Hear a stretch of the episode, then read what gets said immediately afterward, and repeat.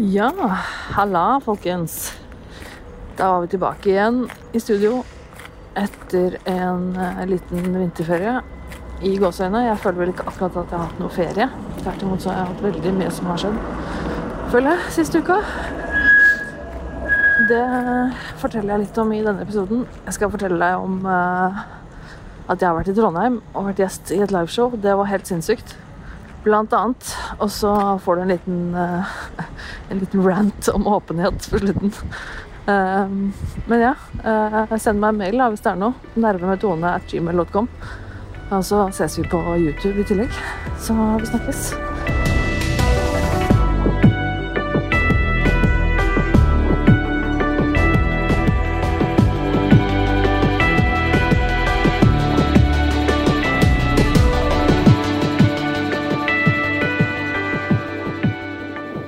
Ok, da begynner vi. Um, nå er det lenge siden sist, faktisk. Eh, Lenge og lenge. Nå har jeg ikke vært her på et par uker. Uh, for jeg har Forrige uke så Jeg hadde egentlig tenkt å spille inn en episode forrige uke. Og så, for jeg hadde booka studiotid og hele pakka. Uh, og så bare hadde jeg så uh, mongo mye greier forrige uke, så jeg fant ut at uh, kanskje jeg, som veldig mange andre, faktisk skal ta en vinterferie. Um, og så gjorde jeg det, så tenkte jeg sånn Jeg vurderte det, og så ble jeg sånn Nei, det, å, det sitter så langt inne for meg vet du, å ta ferie og så hoppe over en uke. Det er, gjør litt vondt i sjela. Så, og så er det ikke sånn at jeg tar ferie, for det er ikke sånn at jeg har en sånn fast jobb som jeg gjør hver dag. Så det blir jo bare sånn Jeg har jo like mye andre ting å gjøre selv om jeg tar vinterferie, så det blir liksom bare én mindre ting. Men jeg tenkte sånn, ok, det blir én mindre ting, da. Det kan jo være en bra ting hvis du har veldig mye. Uh, og så tenkte jeg at ja, ok, kanskje jeg skal gjøre det, kanskje jeg skal ta vinterferie. Og så avtalte jeg det med studio. Jeg sa fra at jeg skulle ha vinterferie, og så gjorde det såpass vondt å ikke gi ut en episode forrige uke at jeg fant ut at jeg måtte gi ut en bonusepisode. så uh, det, det ble jo en slags vinterferie, men jeg gjorde jo en liten jobb likevel. Uh, men ja. Um, det, det ble litt mye, faktisk, uh, forrige uke. da. Det var mye greier som skjedde. Um, og da tenkte jeg at den podkastepisoden Det er en, en ting som er akseptabel og forholdsvis enkel for meg å utsette en uke. Um, og i tillegg så hadde Dialogisk-podkasten også en vinterferieuke som gjorde at jeg da faktisk fikk enda mindre å gjøre også i forhold til at da hadde jeg ikke noe å gjøre med den podkasten heller. Så da Ja, det, det måtte bare bli sånn. Um, jeg hadde Forrige uke så var jeg ute og spiste middag med et par kompiser av meg. Um, og det er veldig lenge siden eh, jeg har sett uh, disse to. Det her er snakk om et par kompiser som jeg har kjent i nesten 20 år. Vi gikk på skole sammen.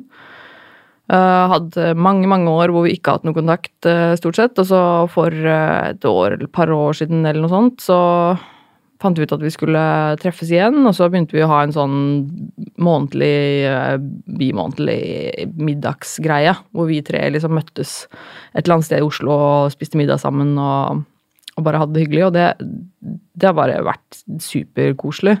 Um, og det er jo en sånn liten enkel ting som kan gi veldig mye glede.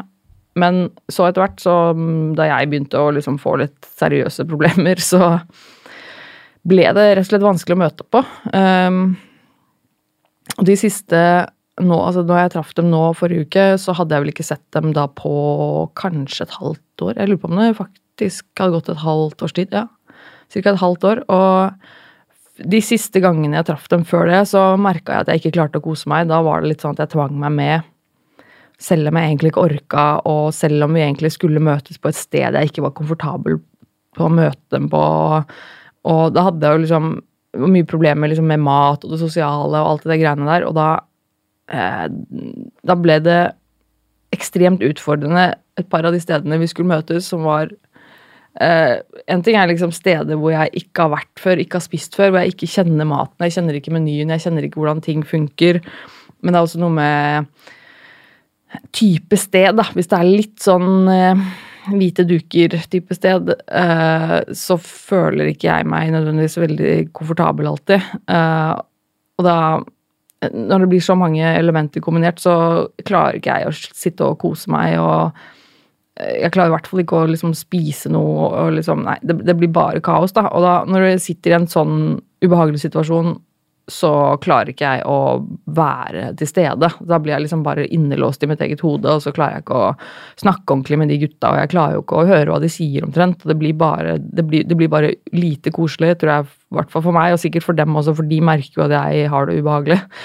Så det så eh, da måtte jeg egentlig bare si til dem at det funka litt Det funker litt dårlig nå, og så uh, traff jeg dem vel et par ganger Eller jeg traff dem hver for seg også, uh, etter det en gang.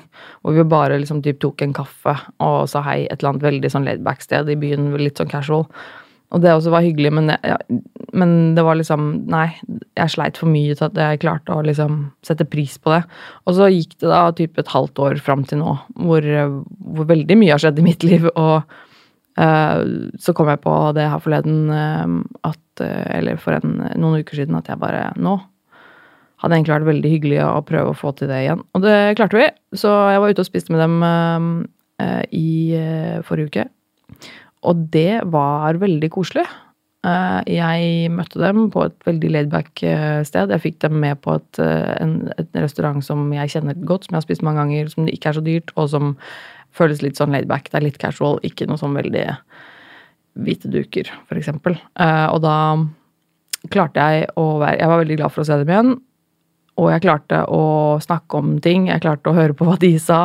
Jeg klarte å uh, være litt til stede, og jeg klarte til og med å kose meg litt med den maten. Og det, det er veldig bra. Så det var veldig hyggelig.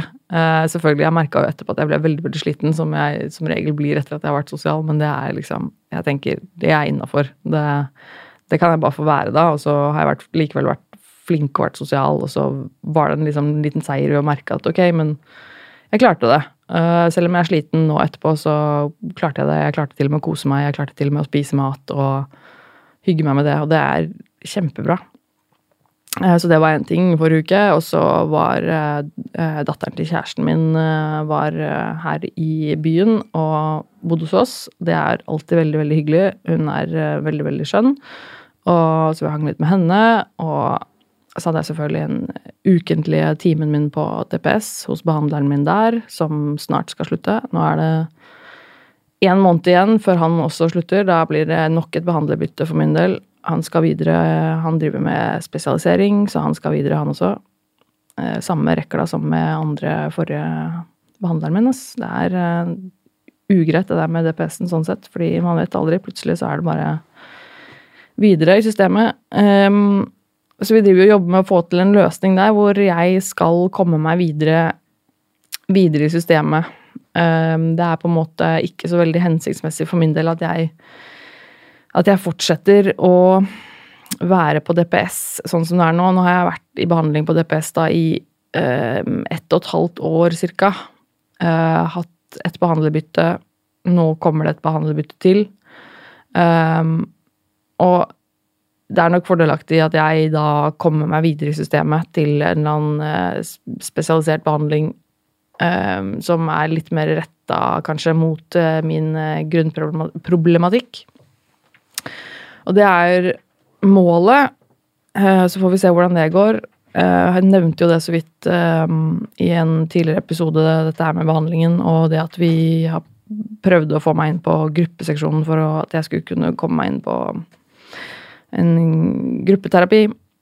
Og det gikk jo ikke bra, fordi jeg, fikk avslag pga. spiseforstyrrelsene mine. Og det er jo liksom det vi har jobbet litt med, da, jeg behandler min nå, å få det, holdt jeg på å si, det, det, verste, eller det mest akutte av min, min uh, spiseproblematikk litt under kontroll, sånn at jeg kan få en plass på gruppeseksjonen og gå i gruppeterapi, da, for da har jeg en mye lengre oppfølging enn det jeg har på DPS. Så får vi se hvordan det går. Eller så er det jo selvfølgelig det største som uh, på en måte skjedde har skjedd siden sist, uh, er jo helt åpenbart at jeg har vært i Trondheim. og det føler jeg at jeg må fortelle litt om, for det var jo en desidert opplevelse helt utenom det vanlige. noe jeg har bare vært i Trondheim en gang før.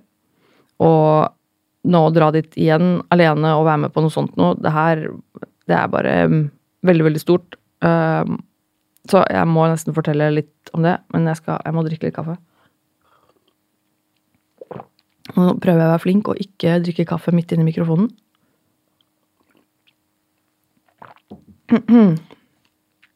Jeg merker jeg er litt tørr i halsen, så beklager det. Um, men jo. Uh, jeg dro jo opp da dette For de av dere som hører på som ikke har fått med seg dette, så ble jeg invitert av en um, annen, en annen podkast som heter Psykologlunsj, som jeg har vært kjempefan av veldig lenge. Som er en podkast med tre psykologspesialister som sitter og prater om veldig morsomme og veldig kule, veldig interessante, smarte ting. Um, de inviterte meg til å komme og være gjest i deres liveshow. Eh, et liveshow som de skulle ta opp uh, i Trondheim. Jeg ville ha meg med som gjest. Um, og dette var på søndag 24. Og uh, Så jeg, jeg dro opp på lørdag og det må sies at jeg uh, hadde jo Jeg grua meg veldig uh, til det opplegget her. Um, jeg grudde meg så innmari, innmari mye til alt det som er rundt. Jeg grudde meg veldig til å reise opp. Jeg grudde meg veldig til å Liksom alt det sosiale, alt det presset. Um, og det å prestere og få til det her og være en bra gjest og i det hele tatt. Og det er jo ting som kommer innenfra fra meg. Fordi alle rundt meg er jo bare kjempepositive og sier at det her kommer til å gå kjempebra, og du trenger ikke å prestere noe, du skal ikke liksom skrive et manus på forhånd, du skal ikke du skal bare være der og fortelle det du vet, eller fortelle om deg selv og podkasten, og så er det liksom supert. Um, så alt det presset jeg legger på meg selv, det er, jo, det er jo jeg som legger det på meg, men jeg grua meg veldig til det. Og selvfølgelig også fordi det er masse mennesker der, og åh, sosialt. Og jeg hadde jo aldri truffet uh, to av tre av de gutta som uh, som uh, har den podkasten. Jeg har jo truffet Jan Ole Hesselberg et par ganger før. Prata litt med han, så han kjente jeg jo liksom litt til. men Tommy Mangerud og, og, Jonas Våg har jeg aldri truffet før, så det var veldig spennende. og så var det det at jeg skulle reise opp alene. Og tro det eller ei, jeg har før nå aldri reist med fly alene. Og det er en sånn ting som jeg egentlig aldri har reflektert over før jeg nå ble satt i den situasjonen. Uh, at jeg har faktisk aldri reist med fly alene. Uh, og det var egentlig litt det var litt rart. Jeg merka at jeg ble litt sånn flau av det. Fordi det er veldig Jeg føler det er sånn ting alle har gjort. Alle har jo reist med fly alene. Um, men så innså jeg at det, kanskje fordi at jeg, de menneskene jeg henger med nå, det er mennesker som har en sånn jobb hvor man reiser mye med fly. Og jeg tenker at Hvis du ikke har en jobb hvor du reiser mye med fly, og, uh, så, så, er det kanskje ikke så rart at man ikke har reist med fly alene i voksen alder. Har, og det er jo ikke at jeg ikke har reist med fly. Um, jeg er ikke generelt noe spesielt redd for å reise med fly. Men, og, jeg har reist veldig, faktisk veldig mye med fly da jeg var yngre. Uh, vært mye på ferier med familie og har vært mye og reist egentlig sammen med Men da typ sammen med en kjæreste eller sammen med familie eller et eller annet. Så det å reise, på, reise med fly alene, det gruer jeg meg veldig til. Også fordi spesielt det siste siste året, eh, med den veldig fremtredende angsten jeg sliter med litt med for tida, så har det å reise med fly, det har vært veldig eh, forbundet med veldig mye angst. For det blir så Ja, hvorfor det? Fordi det, det blir liksom det er så mange ting som, som, blir viktig for meg å, å, få til. da, og det er Spesielt det her med tid. Jeg veldig, jeg har, det verste jeg vet omtrent, det er å ha dårlig tid. Jeg må planlegge ting godt. Jeg må være ute i god tid eh, for å liksom uh, unngå det, det, verste av stresset. Og det er liksom alle disse uh, sikkerhets, uh, sikkerhetskontroll og alt dette her. Og det går jo alltid kjempefint. ikke sant? Det er jo aldri noe problem, og jeg er veldig godt planlagt, så det er aldri sånn at jeg bruker veldig lang tid eller noen ting. Men det er bare sånne elementer som gjør at jeg blir stressa, og det med å rekke ting og vite hvor, hvor jeg skal gå, hvor ting er. Um, det, er så, det, er så, mange ting, og så er det folk, og så er det liksom uh, Ja, nei, det bare Det gjør meg litt stressa. Så det å da første gangen gjøre det alene eh, nå, det hadde jeg jo grua meg ganske mye til. Eh, såpass mye at eh, at jeg, jeg, var faktisk helt ødelagt de dagene før og fikk liksom nervøst sammenbrudd liksom, på, på, fredag og var liksom ordentlig sånn at jeg vurderte, at, vurderte å ikke dra. Fordi jeg, jeg grua meg så fælt, og jeg var så stressa og fikk så mye angst. Og på et tidspunkt så var det nesten sånn at kjæresten min bare ja, herregud, skal jeg dra opp sammen med deg? Han skulle jo egentlig komme opp på, på søndag, og så var han litt sånn ja, men herregud, skal jeg prøve å få til å reise opp sammen med deg på lørdag? Og begynte å stresse med liksom datter og alt mulig fram og tilbake, og jeg bare uff, herregud, jeg følte meg som den verste idiotdotten, ikke sant, som skulle lage så mye oppstyr. Men så jeg, så det, jeg tenkte enten på at det går liksom ikke at han skal begynne å styre med sånne ting. Så enten så må jeg prøve å få booka om mine billetter og min uh, hotellgreie, uh, eller så må jeg bare la være å dra. Uh, og det siste var på en måte ikke så veldig aktuelt. Jeg kunne ikke bare droppe ut. Det, det er på en måte helt uakseptabelt. så da tenkte jeg at jeg måtte booke om, men så var det sånn grunnen til at jeg skulle reise opp på lørdag, var jo fordi at um, på uh, samfunnet, studentsamfunnet uh, på lørdag så skulle det være uh, en sånn, et sånn, hva de kalte det, samfunnsmøte, um, hvor da Jan Ole Hesselberg og Ylva Østby, som også er psykolog, skulle ha et innlegg da, og snakke litt om hjernen din og litt sånne ting. Og jeg hadde veldig lyst til å få med meg det. Så jeg hadde jo en grunn til at jeg skulle reise opp på lørdag. Og i tillegg til at uh, jeg hadde lyst til å se det, så skulle også Tommy Mangerud og Jonas Våg være der. Og da tenkte jeg at ok, hvis jeg klarer å komme meg på lørdag, så klarer jeg kanskje å få til at jeg møter dem på lørdag. Og få prata litt med dem, bli litt kjent med dem. Og da er det kanskje ikke så skummelt på søndag, når jeg skal være gjest i podkasten deres. For da har jeg liksom allerede snakka litt med dem og blitt litt kjent og tenkt at det er uh, veldig, veldig lurt. Um, så det satt jo veldig langt inne å skulle droppe lørdagen. Det gjorde det jo. Uh, men jeg klarte det jo. Jeg dro. Uh, kom meg opp på lørdag, og det gikk det gikk bra, altså. Det gikk faktisk veldig, veldig bra. Jeg hadde veldig lite angst. Jeg tror at det hjalp veldig at jeg har vært i Trondheim en gang før, for ikke så alt altfor lenge siden, for et type halvt år siden, eller noe sånt, så var jeg i Trondheim en tur eh, da Dialogisk hadde liveopptreden der med sin podkast. Så var jeg med. Og da, så jeg har vært der en gang før. Jeg liksom husket litt sånn halvveis hvordan det så ut på flyplassen, og litt hvordan man kom seg fra flyplassen inn til byen. og litt, Jeg husker hvordan det så ut i byen og sånn, så og det hjelper veldig. Uh, at jeg føler at jeg har litt kontroll på det. Uh, så jeg er veldig glad for det. Um, så uh, jeg kom meg til Trondheim. Uh, jeg skal bare se på notatene mine her nå. Um, så uh, kom jeg meg til hotellet og fikk sjekka inn der og fikk et koselig hotellrom. Og så, etter at jeg har vært på hotellet, så bare gikk jeg rett ut igjen og traff, traff de gutta her, da, på, på studentsamfunnet der hvor det skulle være dette um, møtegreiene.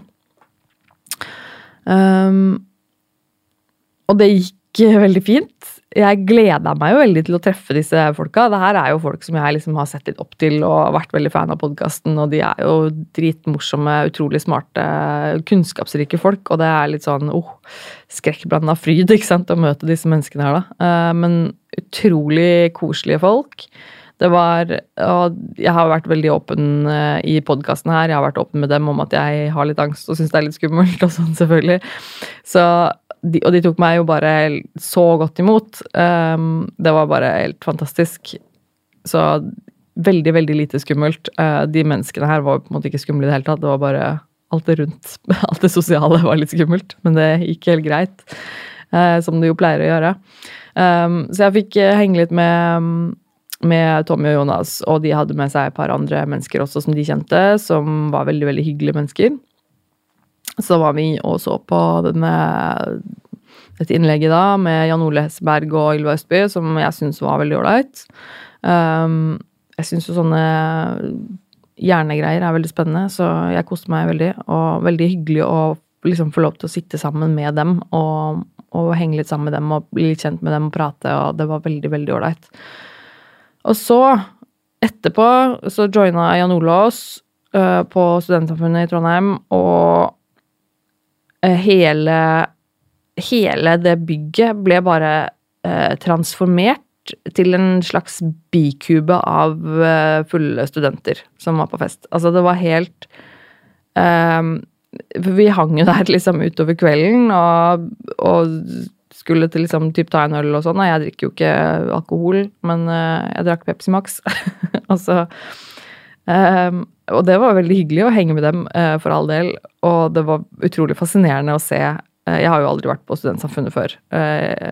Så det var veldig fascinerende for meg å se hvordan det var, og bare hvor sykt det var, det var, Herregud, det var jo mennesker overalt, og alle var jo selvfølgelig drita fulle, og det var fest overalt, og støyvolumet var helt ekstremt. og Sånt merker jeg at jeg blir veldig sliten av. Jeg er jo i utgangspunktet ikke veldig sosialt eh, holdt jeg på å si, trent, uh, men i hvert fall ikke i sånn type situasjoner hvor det er mye støy og altså Musikk og bråk og folk og herregud. Uh, og jeg blir jo så sliten av det.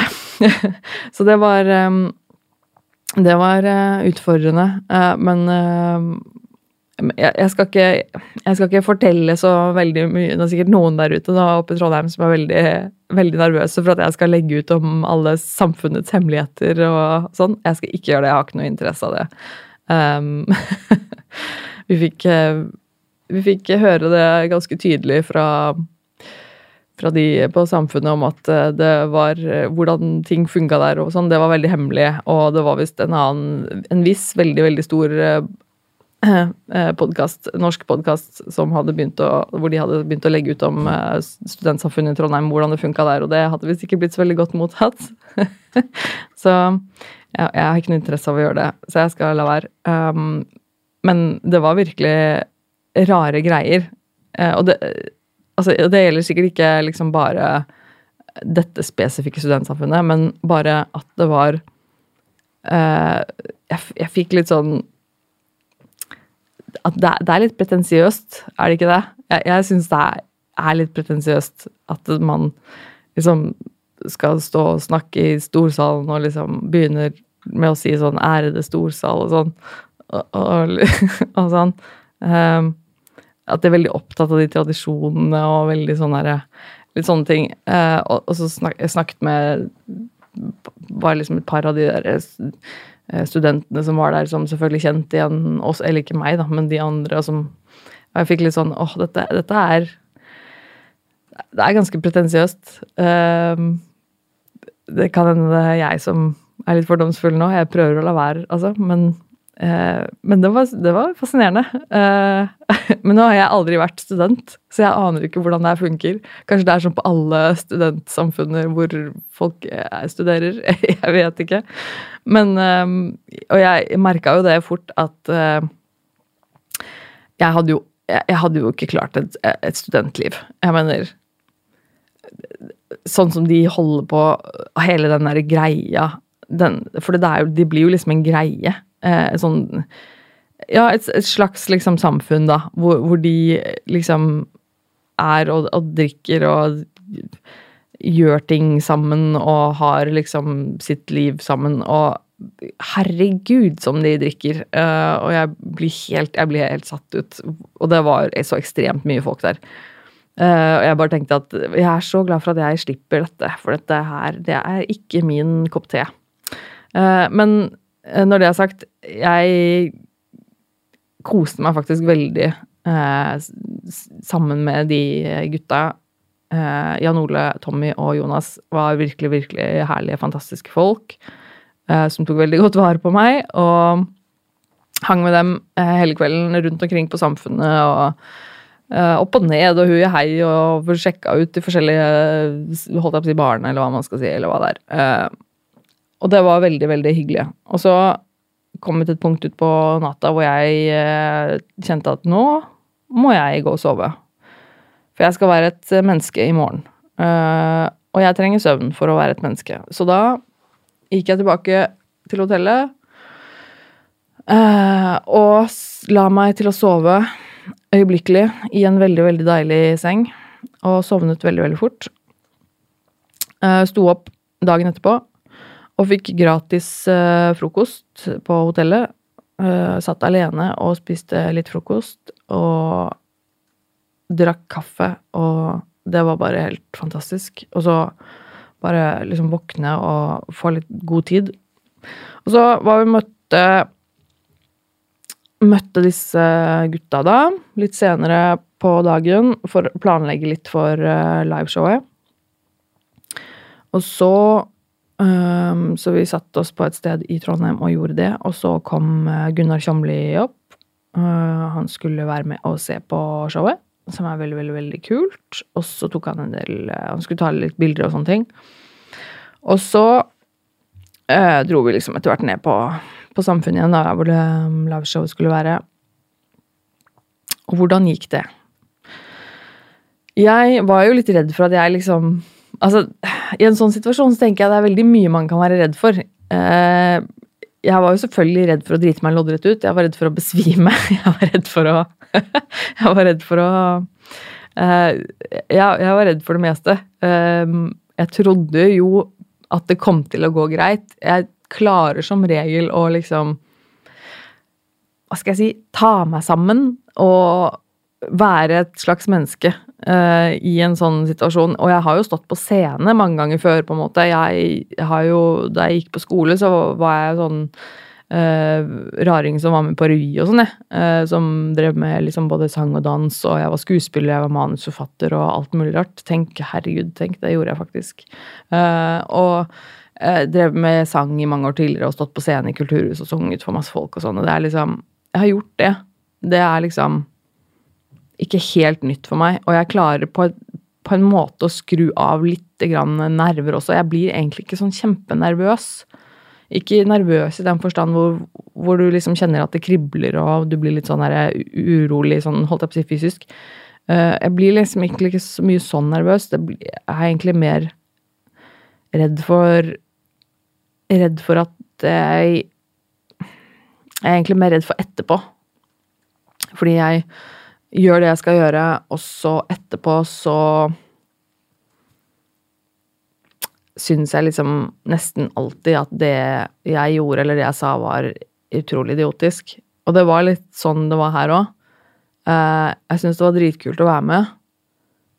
Og så De Psykologlunsjgutta sa at de var veldig fornøyd og var veldig glad for at jeg var med, og de syntes det ble kjempebra. Um, det var jo andre som sa det også, som var der og så på, og som sa at det var kjempebra. Og så følte jeg bare at herregud, for en idiot jeg er.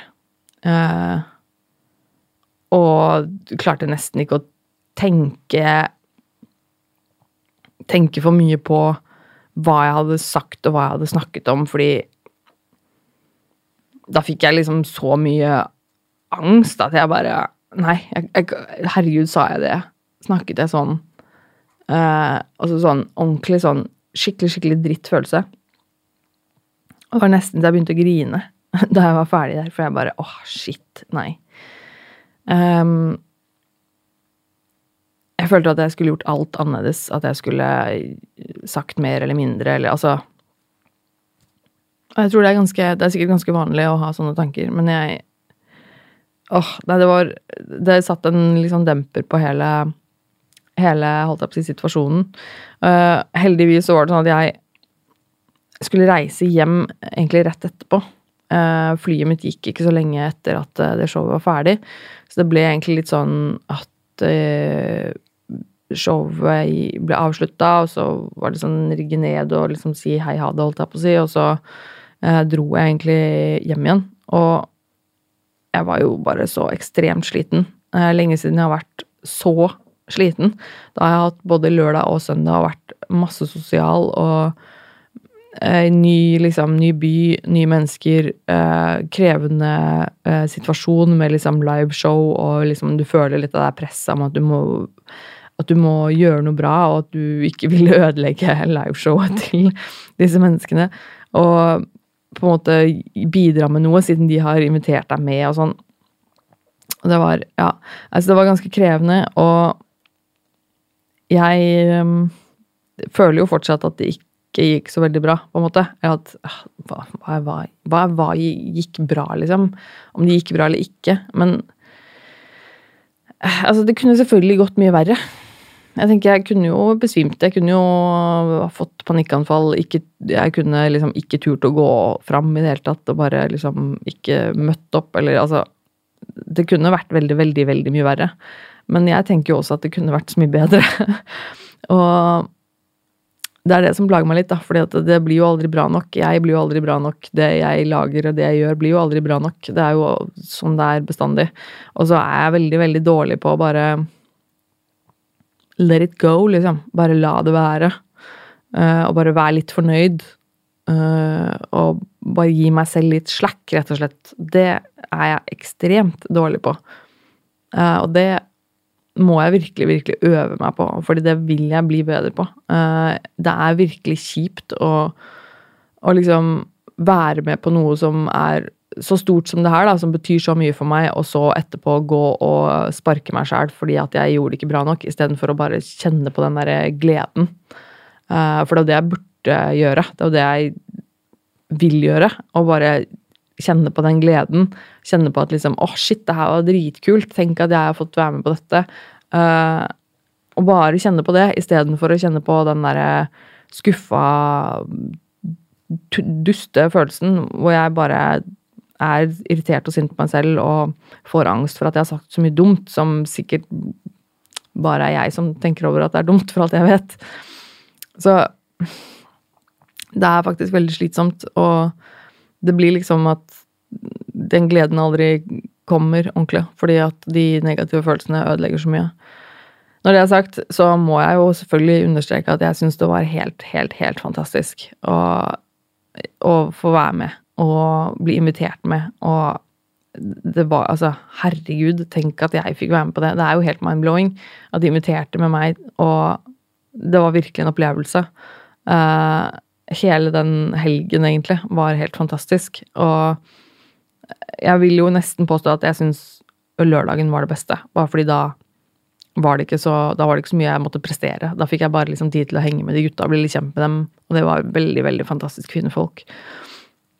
På søndag var jeg litt mer opptatt av at jeg måtte prestere noe, og det var litt mer angst i forhold til at jeg måtte si det riktige om ikke si det jeg ikke skulle si, og i det hele tatt. Da, det var litt mer stress. Så men alt i alt, altså. Herregud. Uh, og jeg tenker at nå har jeg gjort det. Uh, og det er virkelig en prestasjon for min del. Og det å liksom kunne holdt jeg på å si, haka det på lista mi, at liksom jeg har vært gjest i et liveshow, det er, uh, det er ganske stort. Og i tillegg så sa de at de had, har lyst til å ha meg med som gjest i en episode senere. Fordi de har lyst til å prate mer med meg og det er jo helt dritkult. Tenk om jeg hadde fått til det. Det håper jeg. Det hadde vært veldig, veldig, veldig kult. Eh, og for dere som følger meg, i følger Nerve med Tone på sosiale medier, så så de sikkert at jeg la ut noen bilder. For det gjorde jeg. Jeg tok jo noen bilder og noen videoer og sånn eh, fra helgen som jeg la ut på sosiale medier. Så det kan dere jo se, se litt. Grann. Gunnar Kjomli var med også på søndagen og så på showet. Jeg håper han også tok noen bilder. Uh, eller jeg vet han tok noen bilder som jeg kanskje kan få tilgang til etter hvert. Um, I så fall så skal jeg legge ut hvis jeg får noen fine bilder. Um, men ja. Så det Det Det var ganske drøyt. Det var en, en drøy helg, vil jeg si. Og det um, Må se på notatene mine her nå.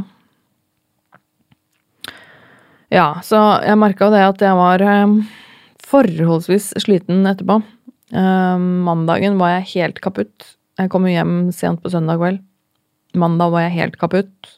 Og tirsdag, altså i går, skulle jeg egentlig vært her og spilt inn den episoden her. Nå er det onsdag. Og jeg tror det var veldig greit at vi ikke tok det i går, fordi jeg var jævlig sliten i går, altså. Uh, jeg føler meg bedre i dag. Jeg er jo fortsatt litt sånn sliten, men uh, men, men, det er bedre. Så jeg tenker at det Jeg tror det var greit, det. At vi spiller inn i dag istedenfor i går. Um, helt til sist, så Det er én ting jeg har tenkt på ganske mye i det siste. Uh, og det er åpenhet. Um, jeg har tenkt på mye Jeg har tenkt mye på åpenhet, og jeg har hørt en litt snakk om det her og der i forhold til det å dele. Um, og det med åpenhet er jo for meg veldig, veldig viktig. For meg så er denne podkasten, dette hele prosjektet Nerve, for meg er liksom Det handler om åpenhet. Og for meg personlig så blir det mye psykisk helse og liksom mine egne issues. Å være åpen om det og prate om det. Men det er så mye som vi burde prate mer om. Uh, ting som er vanskelig.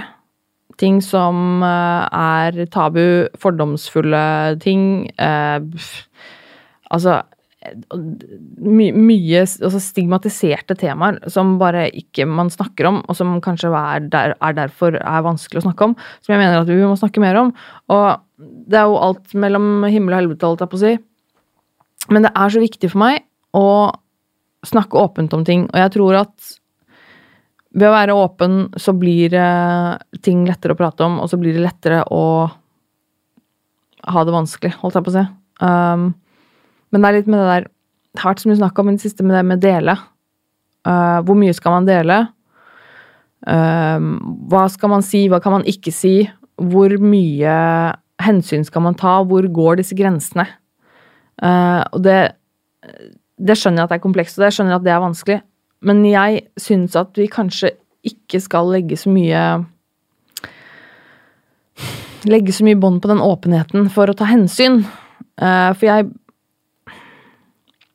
jeg, prøver, jeg, skal si dette og prøve å være så nyansert eh, som mulig, for jeg skjønner at det er komplekst, og jeg mener ikke Og det er verken svart eller hvitt. Um, det er verken åpent eller lukket, liksom.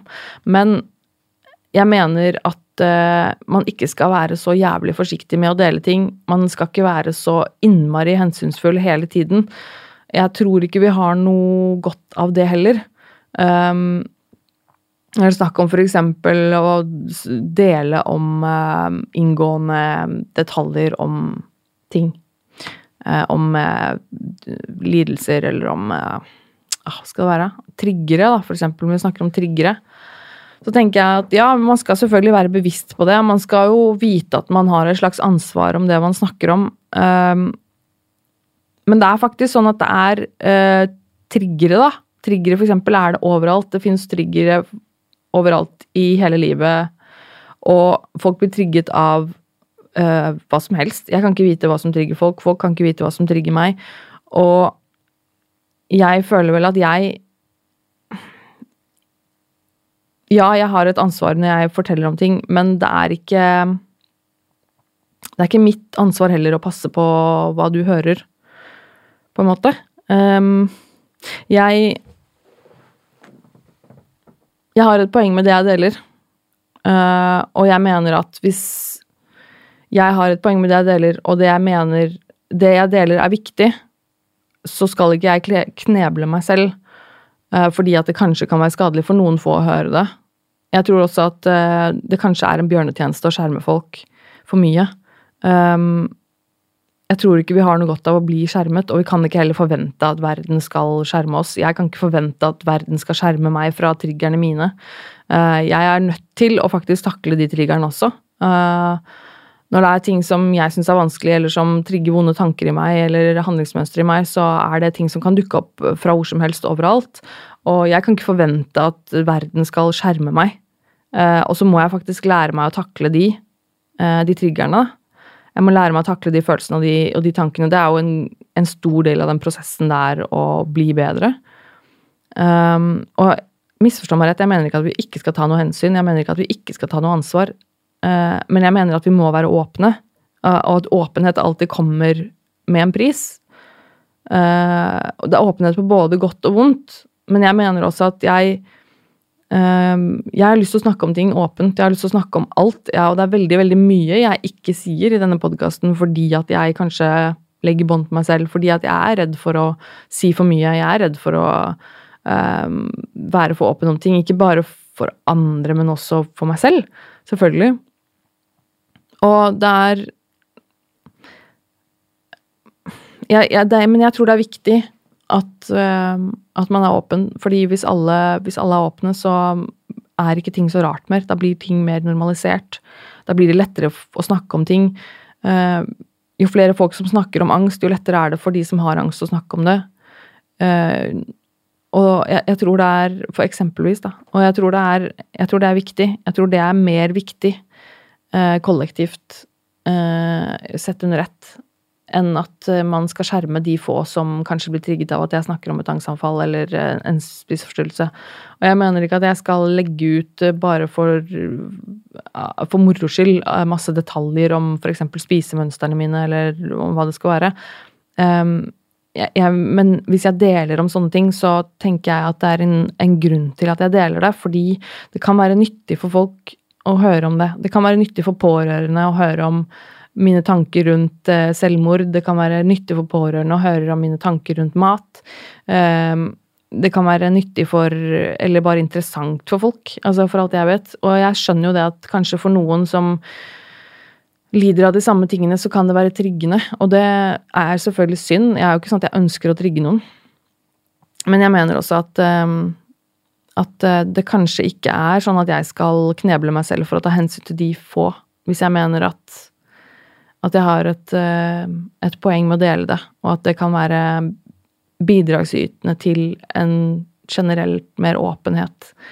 Og kanskje åpne en dør for um, For noe som er ukjent for veldig, veldig mange. Um, men som sagt, um, altså misforstå meg rett, jeg, jeg, er bevisst på dette med dele, det å dele, og jeg er bevisst på dette med min egen åpenhet. Jeg vet også at det er helt garantert mange der ute som tenker at jeg deler for mye. Um, jeg tror også det er veldig mange som tenker at jeg ikke deler nok. Og det er vanskelig å vite hvor den grensa går. Det er Jeg tenker at det, det fins jo ikke noe fasitsvar på det. Vi har retningslinjer, og vi har Vær varsom-plakater osv. osv. I, i journalistikken og sånn. Eh, jeg, jeg forstår jo poenget med det. Uh, samtidig så er ikke jeg en journalist. Dette er en podkast, dette er ikke noe mediehus. Det er liksom Det er en grunn til at jeg gjør det jeg gjør. Og åpenheten for meg er en, et ekstremt viktig aspekt av denne podkasten og det hele prosjektet mitt. Og kanskje det aller, aller viktigste. Men som sagt, det kommer med en pris. Det tror jeg nok. Åpenhet er ikke bare på godt, det er også på vondt. Og, men jeg tror at i det store og det hele så trenger vi mer av det. Eh, jeg tror vi trenger mer av eh, den holdt jeg på å si, den stygge åpenheten. Den åpenheten om ting som er litt stygt og litt vondt og litt jævlig. Eh, fordi at de tingene blir ikke borte, selv om vi ikke snakker om de. Faktisk så tror jeg at det er litt sånn med Med de mørkeste skyggene så må du liksom kaste lys på det for at det skal bli borte. Og det, det tror jeg vi gjør ved å snakke mer åpent. Um, ja. Og så skal jeg nevne litt på helt på slutten Jeg er snart ferdig, folkens. jeg skal nevne også bare uh, litt grann om den YouTube-kanalen min. Jeg um, prøver jo å si litt om det. Når jeg spiller inn dette her, så prøver jeg å nevne dette med YouTube-kanalen. Fordi jeg har en eh, YouTube-kanal også som heter Nervemetone, som er uh, på en måte ja, dette som Eh, spilles inn nå, som jeg filmer og legger ut der. Eh, jeg, tror, jeg lurer på om videopodkast er det fortsatt litt sært, liksom. Eh, jeg føler jo ikke at det er sært, men er, nå er jo jeg litt spesielt interessert, kanskje. Jeg tenker at det begynner å bli mer og mer vanlig, men jeg skjønner jo at det er, kanskje er litt begrensa hvor mange som gidder å, å se på en, en podkast. Jeg syns jo det er litt koselig, da. bare ha på det i bakgrunnen når jeg holder på med ting. Men det er nå meg. Uansett syns jeg det er gøy å filme det og legge det ut, så har folk muligheten. Um, men det jeg også vil snakke litt om, er dette som heter baksnakk. Um, jeg kom på her jeg tror det var sist jeg, sist jeg nevnte baksnakk i podkasten, så ble jeg litt sånn Glemte jeg egentlig å si noe av det her? fordi, fordi Eh, hvis jeg bare sier baksnakk, så høres jo ikke det sånn umiddelbart så veldig positivt ut. Eh, baksnakk er jo et eh, ord som vi forbinder med noe som er slemt, på en måte. Noe negativt. Når man baksnakker folk, liksom, så er jo det noe som ikke er positivt.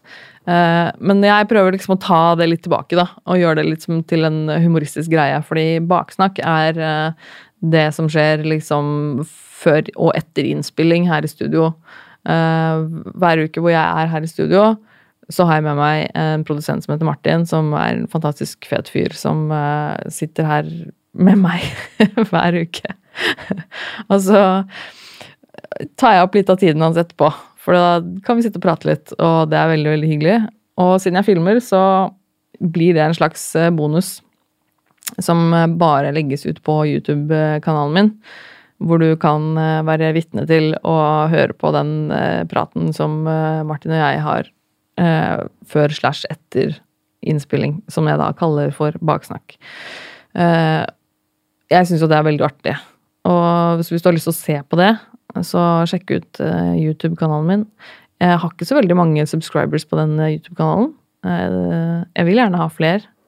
Eh, så del gjerne på sosiale medier om, om, det er favorittvideoen din fra kanalen min, eller om det er bare generelt. Gjør det gjerne, for det er veldig kult hvis du, hvis du deler om det. Og så har du noen, hvis du har noen meninger eller ønsker om flere typer av et eller annet når det gjelder de videoene, så må du gjerne komme med tilbakemeldinger om det. Det var veldig gøy å lage f.eks. den der topp ti-videoen min som jeg lagde i jula. Det var veldig kult. Kanskje jeg skal lage noe mer sånt. Jeg vet ikke. Og så må jeg nevne den andre YouTube-kanalen som jeg har sammen med Gunnar Kjomli, som heter Greit nok for en fisk. Ja, det er det den heter. Og den er grei nok for en fisk, den kanalen. Der legger vi ut bare videoer som vi lager som er litt sånn tullete, men veldig, veldig, veldig gøy. Så sjekk gjerne ut den også. Um, det er veldig kult. Og så send meg en mail, da, folkens, hvis du har lyst. Selvfølgelig. Uh, på nervemetone at gmail.com. Uh, vil gjerne ha det der hvis du skal snakke med meg, holdt jeg på å si, så kom gjerne med det på den mailen, så får jeg det samla på ett sted. Det er veldig greit, egentlig. Det er jo noen som sender meg ting på sosiale medier og sånn på Instagram og Facebook og sånne ting, og det er helt uh, greit, det. Uh, det er bare litt vanskelig å holde styr på alt på alle de forskjellige plattformene iblant. Uh, og så er jeg nesten a jour med å svare folk. Jeg prøver å svare alle så godt jeg kan. Men send meg gjerne en mail. Altså, det er veldig veldig hyggelig å høre fra dere. Nerve med Tone at eh, gmail.com. Og nå har jeg Nå har jeg prata ganske lenge, tror jeg. Uh, prata lenge nok, i hvert fall. Tror jeg. jeg håper å høre fra deg som hører på, eller som ser på på YouTube. Kommenter og komme med tilbakemeldinger. Det setter jeg stor pris på. Og igjen, tusen takk for at du hører på podkasten min. Det er helt insane kult. Uh, jeg klarte å lage en episode denne uka her. Det er veldig, veldig bra. Pat on the back. Ok, ja. Men uh, vi prøver igjen uh, neste uke, da. Så tenker jeg vi avslutter her. Tusen takk igjen. Ha det bra.